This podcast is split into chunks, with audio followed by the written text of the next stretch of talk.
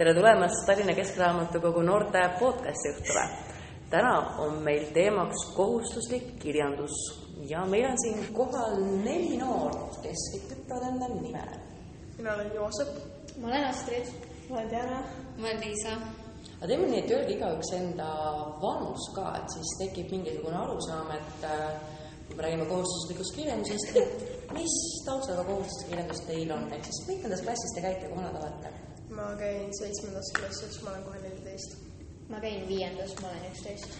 ma käin üheteistkümnendas, ma olen seitseteist. jah, ma käin ka üheteistkümnendas, ma olen ka seitseteist mm,. tublid. kas kohustuslik kirjandus on hea?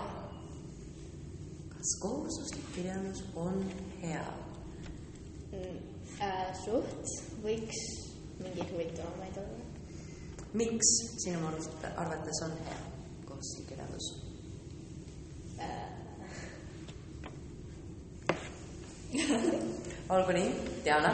nii, tegelikult ju on hea, sellepärast et see laiendab silmaringi, aga absoluutselt äh, väga paljud teemad on sellised, mida õpetajad suruvad peale just sellepärast, et kuna need seostuvad tänapäevaga ju ka, aga siis andke uuemaid raamatuid, mitte sada või kakssada aastat vanad, mis noori panevad mõtlema liiga palju ja siis ei saa tekstist aru ja noh, kõik on segane. Joosep? no põhimõtteliselt on hea, aga reaalsuses ta ei tule nii heana välja. miks nii? sest et raamatud on tihti väga igavad, võtavad lugemisseisu ära. aga, aga sa ütlesid, et ikkagi on põhimõtteliselt on hea, nii et mis siis hea on see?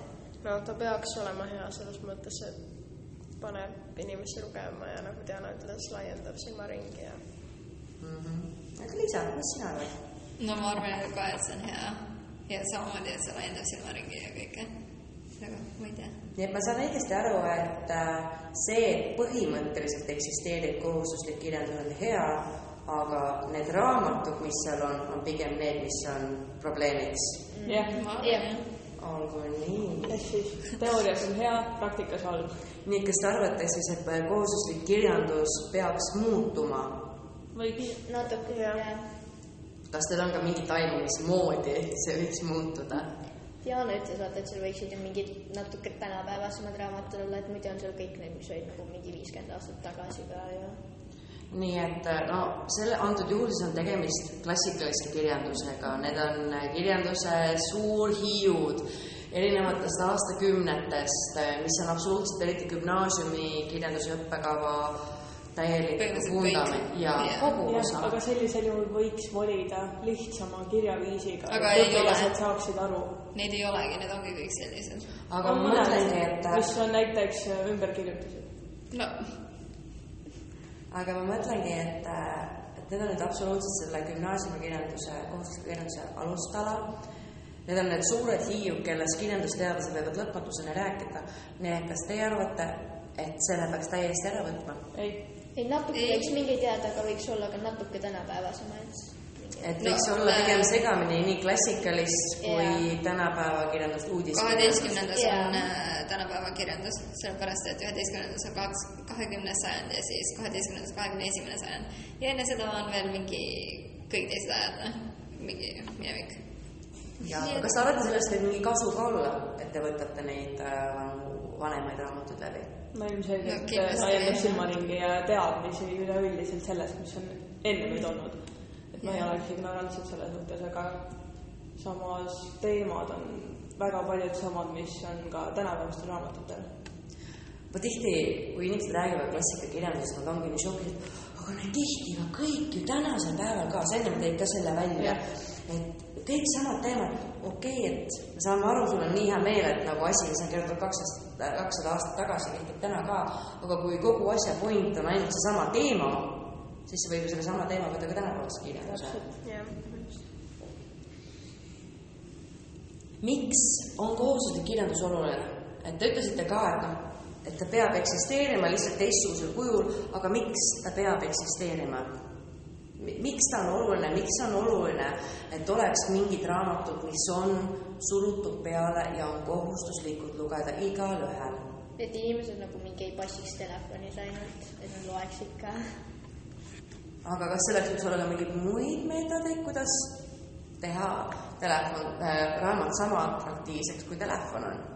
või peakski see olema just see kooli ülesanne, valida välja need parimad raamatud ja panna need kooliprogrammi sisse?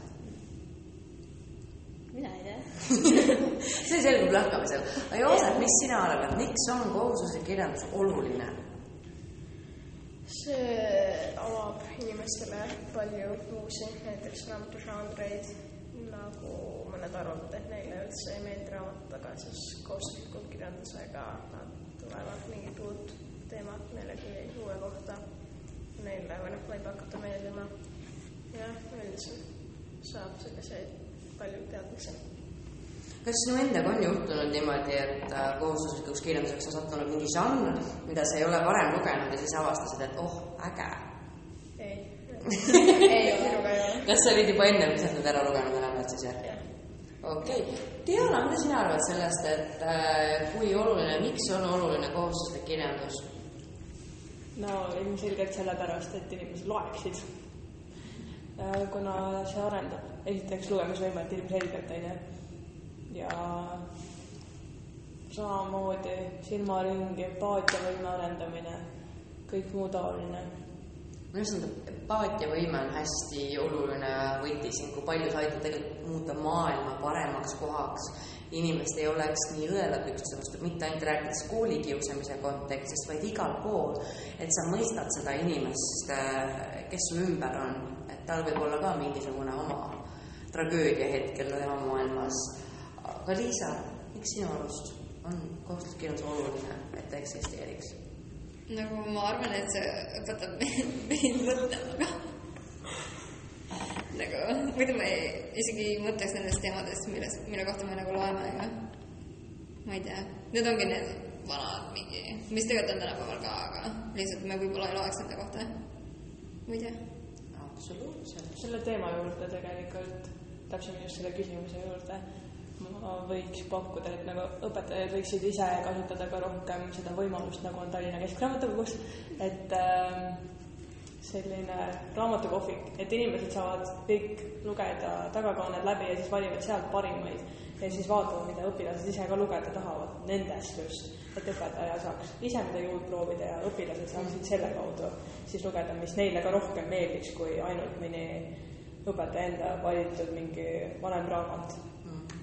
Raamatukohvik on siis raamatu maitsmise meetodil toimuv raamatukogutund, kus äh, osalised hindavad äh, lühikese aja jooksul, umbes neljakümne viie minuti jooksul, hindavad nad umbes äh, kümme kuni viisteist raamatut tagakaane, tagumise kaaneteksti põhjal, esimese lehekülje teksti põhjal ja kaanepildi põhjal, mis annab neile siis ülevaate erinevatest raamatutest ja see on tõesti hea viis, kuidas, nagu ka Joosep ütleski, et kohustuslik kirjandus aitab leida žanre, mida muidu võib-olla ei loeks, aga äkki on hoopis lemmikud, samamoodi on selleks tõesti hea see raamatu maitsmise meetod. ma näen hästi tihti lapsi, kes nagu kogu aeg on lugenud ühte sorti raamatut ja siis avastavad, oi, täiesti teine veel maailm on olemas, mis neile tegelikult meeldib ja raamatud alati ei ole sisutihedat teksti täis. mõne lapse jaoks tõesti ongi lihtsam, et ta loeb neid poolpildiga raamatuid. mis siis, peaasi, et loeb mm. -hmm et äh, ja see on, kindlasti oleks tore. kas te arvate, et näiteks oleks üks oluline võimalus, kuidas äh, muuta kohustuslikku kirjandust paremaks äh, ja atraktiivsemaks noorele oleks see, et neil oleks suurem valikuvõimalus selle üle, mis raamatud seal nimekirjas on. jah, kindlasti. aga kas siis ei võiks juhtuda, et võtame, et seda ongi mingisugune klass pool klassi loeb seal Fausti ja pool klassi loeb ühe pardipäevikut, mis on eh, Ameerikas gümnaasiumi kohustuslik kirjandus. see peaks olema rohkem nagu, et kindel teema ja siis nagu mingi. jaa, nagu ikka vanus peab ka arvestama. ja ma mõtlengi lasteraamatut, jah. Aga samas ju gümnaasiumi kirjanduse puhul arvestataksegi teie vanust, et te peate olema võimelised lugema klassikalist kirjandust äh, sisutiheda tekstiga. ja samas õpetajad ütlevadki meile, et mingi, ma loete siis, lugege veel mingi kokkuvõtet kõrvale või seletust või midagi, sest te ei saa niikuinii aru. kuidas nad siis meie vanusega arvestavad, kui nad siis ütlevad, et me ei saa aru? aga millest see tuleb, et ei saa aru?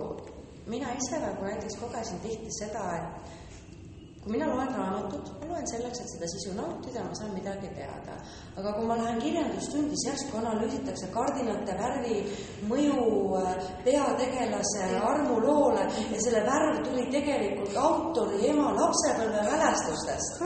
noh, et kas, kas te lugejatena ei saa aru nendest äh, tagatähendustest või te ei saa aru loost endast, mis arvate, kumb nagu see tegelikkus on? ma pakun, et me ei taha aru saada ka, sest me peame seda lugema. ja see on. Äh, see toob meelde, Diana rääkis ennem ühe väga äh, vahva eksperimendi, kus äh, lapsevanem pani lapse öökapile segamini kohustusliku kirjanduse ja muud raamatud.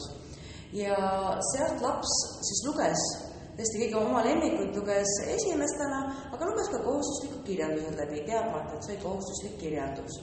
kas võib olla kohustusliku kirjanduse puhul see vastasseis tulenevalt lihtsalt sellest, et see on kohustuslik, et midagi sunnitakse peale ja siis tekib see trots. jaa, see on kindlasti üks suuri probleeme kohustusliku kirjandusega, et lihtsalt kui ma pean lugema, mul kaob kohe nagu lugemise tahe ära, sest et seda sunnitakse. isegi kui muul juhul võiks olla, et raamat tegelikult meeldib. Jah. Astrid, sul on samamoodi? natukene jah. Diana? no kindlasti sõltub raamatust. loomulikult, aga muidu küll jah, sellepärast et sa ei taha seda teha, aga sind sunnitakse. samamoodi on, kui midagi keelatakse ära, siis on just vastupidine efekt, et sa tahaksid seda teha. me peaksime kohustusliku kirjanduse ära keelama?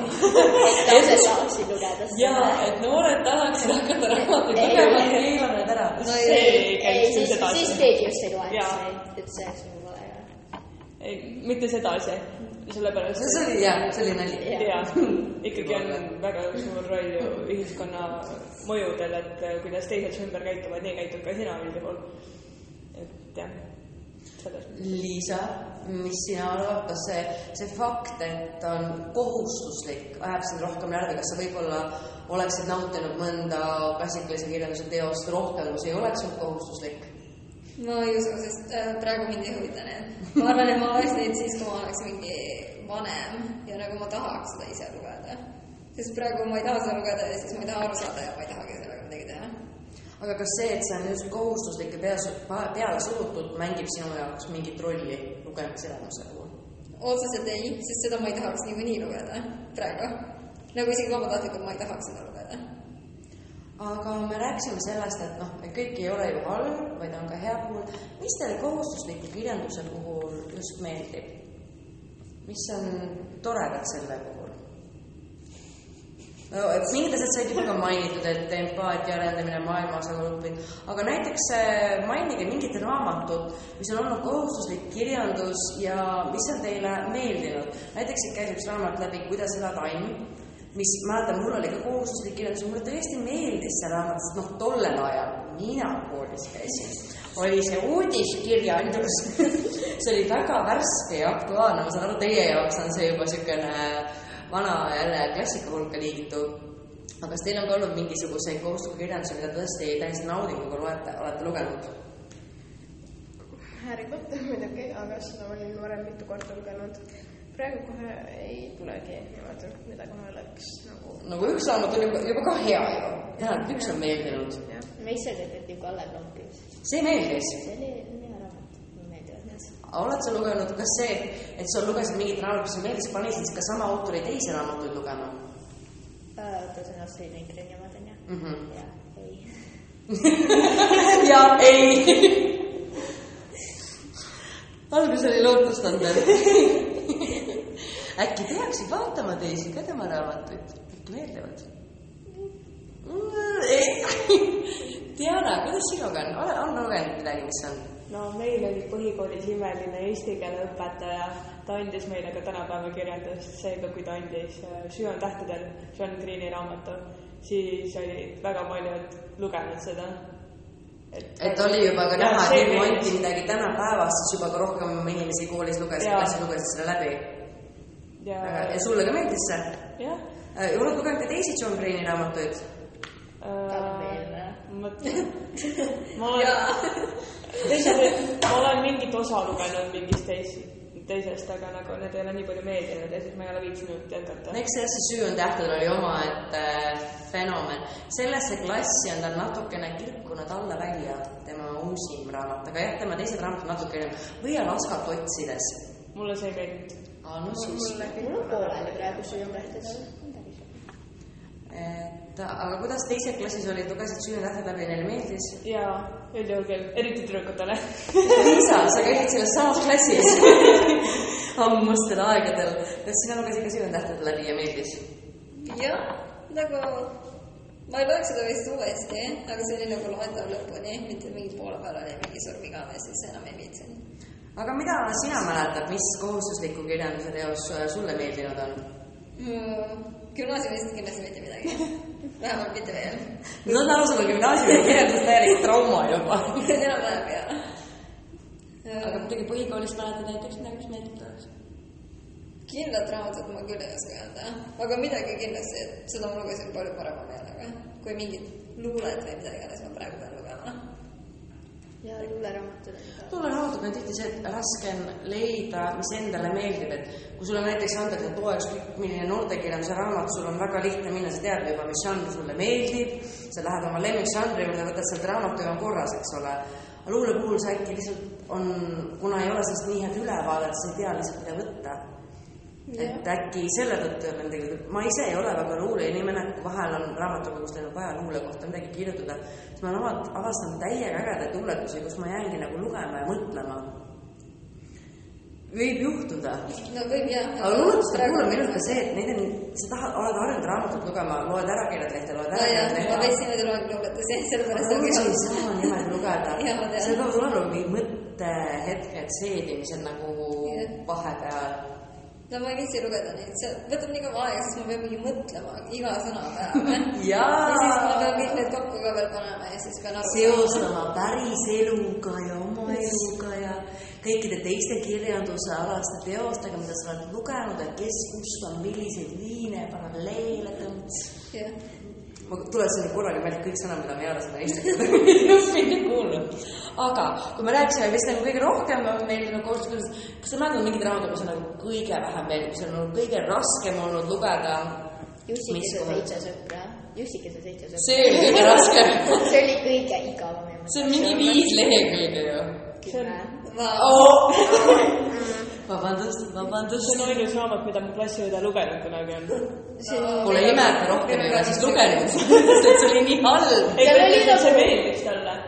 aga huvitav, mis juhtus, tema ainuke raamat, mis ta luges, peale seda tuli kohustuslik kirjandus nagu kohustusliku kirjandusena peale. ei, aga nagu seal on põhiliselt see, et on lehekülg, kolmveerand on tehtud mingi paar lauset mingi kolm lauset maksimum on lihtsalt. ikka see oli kõige jubedam. jah, suurim igavus. See kaks minutit, mis ma lugesin seda. Need kaks pikk, minutit pikka igavust, aga Joosep, mees midagi suudab nagu veel. väga jubedat ei ole olnud. selles mõttes, et aga noh, kõige jubedam, isegi kui ta ei ole väga jube, kõige kehvem, kõige poolkehvem. väga ei tule midagi meelde, ma arvan, et noh, Kalevipoja seda ümberjutustust oli üsna igav saad lugeda. gümnaasiumis seda õiget ka lugeda. ainult oota, ainult oota, kes sa saad. no aga samas on, ma arvan, ikka on vinge öelda, et vot sa oled ikkagi Eesti eepose läbi lugenud. no ma ei ole. meil ka mingi võib-olla üks inimene luges ja mitte tervet. kõik, kas ei lugenud mitte midagi, lugesid mingi, kas seda kokkuvõtet või siis seda Eno Raua oma seda mm -hmm. ümberjutustust. vähemalt teil on sisustki mingi aimdus, sest see on ikkagi põhimõtteliselt võib ju öelda, et eesti kirjanduse kõige olulisem teos, et kui me võime siin öelda, et kas klassikalist kirjandust on olulist lugeda, sest noh, eepos võiks olla küll niisugune raamat, mis on loetud. jah, oli aga Diana, mida sa mäletad kõige hullematest no raamatutest? eelmine raamat, mida me lugema suht pidime, Tants aurukatla ümber. nagu ma olen kindel, et see poleks isegi nii hull, aga see, kuidas õpetaja käsib kõike analüüsida ja siis seostab seda kõike ajalooga, mida meie otseselt ei tea sedasi omast käest. ja siis seletab nii palju juurde ja ütleb, et oh, te peaksite seda kõike teadma. siis on väga võimatu tegelikult keskenduda reaalselt sellele, mis sulle tegelikult raamatust võiks meeldida ja see keerab lihtsalt kõik tagurpidi. see on ka see, mida me enne tõmbasime, et sa keskendud rohkem teose analüüsimisele kui reaalselt selle loo kulule ja loole endale. oota, mis raamat see oli? tants aurukatla ümber. Mats Kraadi raamat, sellest, kas mitu põlvkonda seal korraga on need peategelased, mäletad?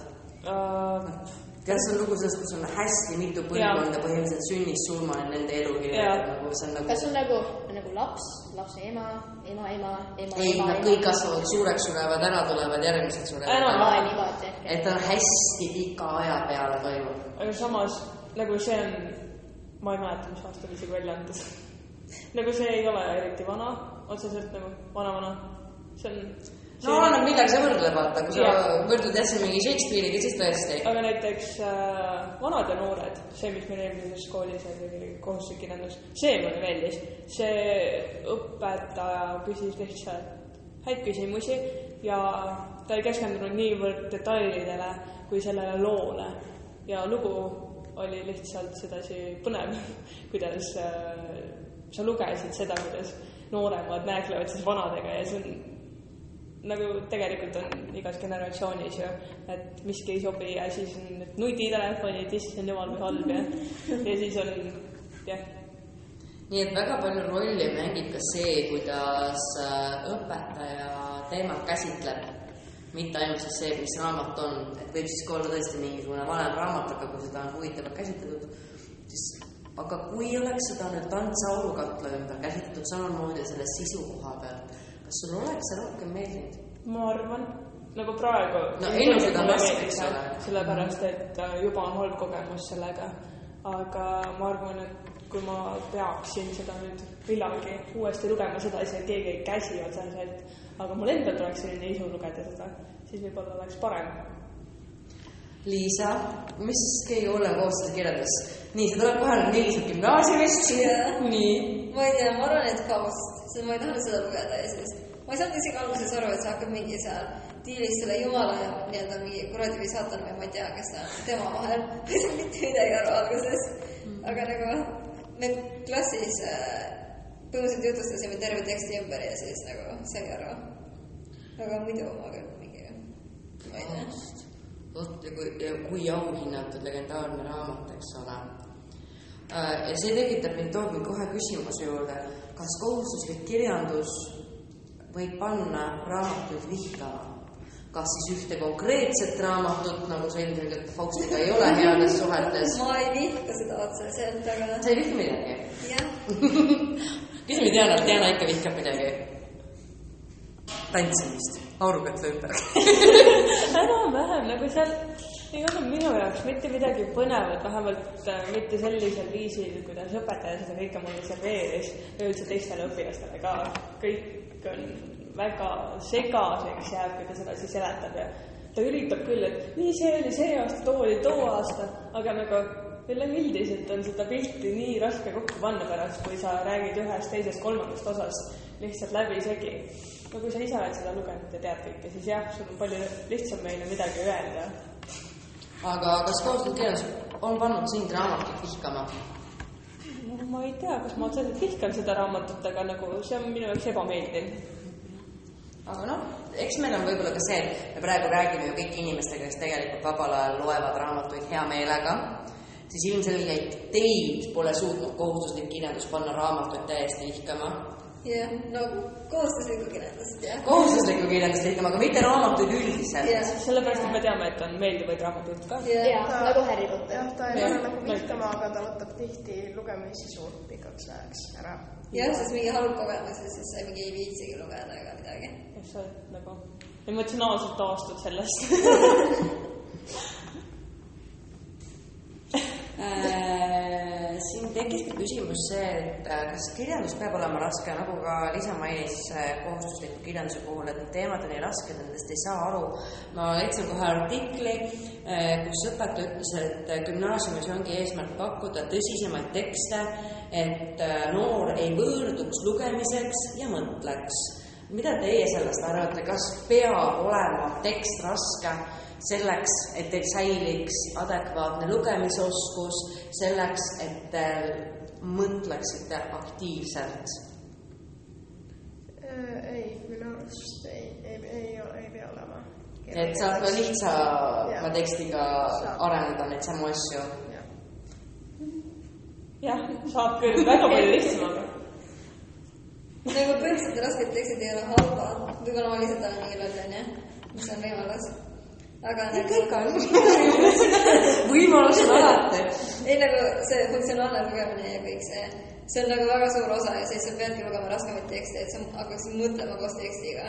nagu siis, kui sa loed lihtsalt teksti, sul on kõik ette öeldud, sa ei mõtle põhimõtteliselt, sa lihtsalt loed. nagu selles mõttes võiks olla raskemad tekstid ka. aga siis peaksid kas mingi koos käsitlema ja siis sa saad aru ja siis võib-olla hiljem seostad, et kuidas midagi võib olla seotud. aga nagu, kui sa lihtsalt ise pead lugema ja sa aru ei saa, siis ongi halb aga sa peaks nagu kellegagi rääkima või siis ise otsima, et mida see täpselt tähendab, onju. aga kas teie klassis loetakse kohustuslikku kirjandust? et ma saan aru, et noh, vapp, eelmine kord rääkisime palju vabal ajal loevad klassikaaslased, aga kas teil kohustuslikku kirjandust loetakse klassis? ma arvan, et selles osas jaguneb klass umbes kolmeks. ühed, kes päriselt loevadki siis teised, kes võib-olla loevad pool raamatut või natuke vähem ja siis on kolmandad, kes üldse ei loe. millisesse gruppi sina kuulud? ma enamasti üritan ikka kõik läbi lugeda, vahel jääb natukene pooleli. väga kiiduväärt. Äh, meil äh, tüdrukud küll loevad ikka poiste kohta, kohta ma väga ei tea, nad võib-olla teevad ka nii, et loevad esimesed kümme ja viimased kümme nagu viimast, et teada, saadaks peategelane, ma ei tea, sureb ära või midagi tean, jah. nagu ma üritan läbi lugeda, aga kui tõepoolest ma üldse ei jaksa seda lugeda, siis ma ei loe seda. kuidas sul klassikaaslastega on, kas nemad loevad uh,? põhimõtteliselt meil oli venikeelne süsteem.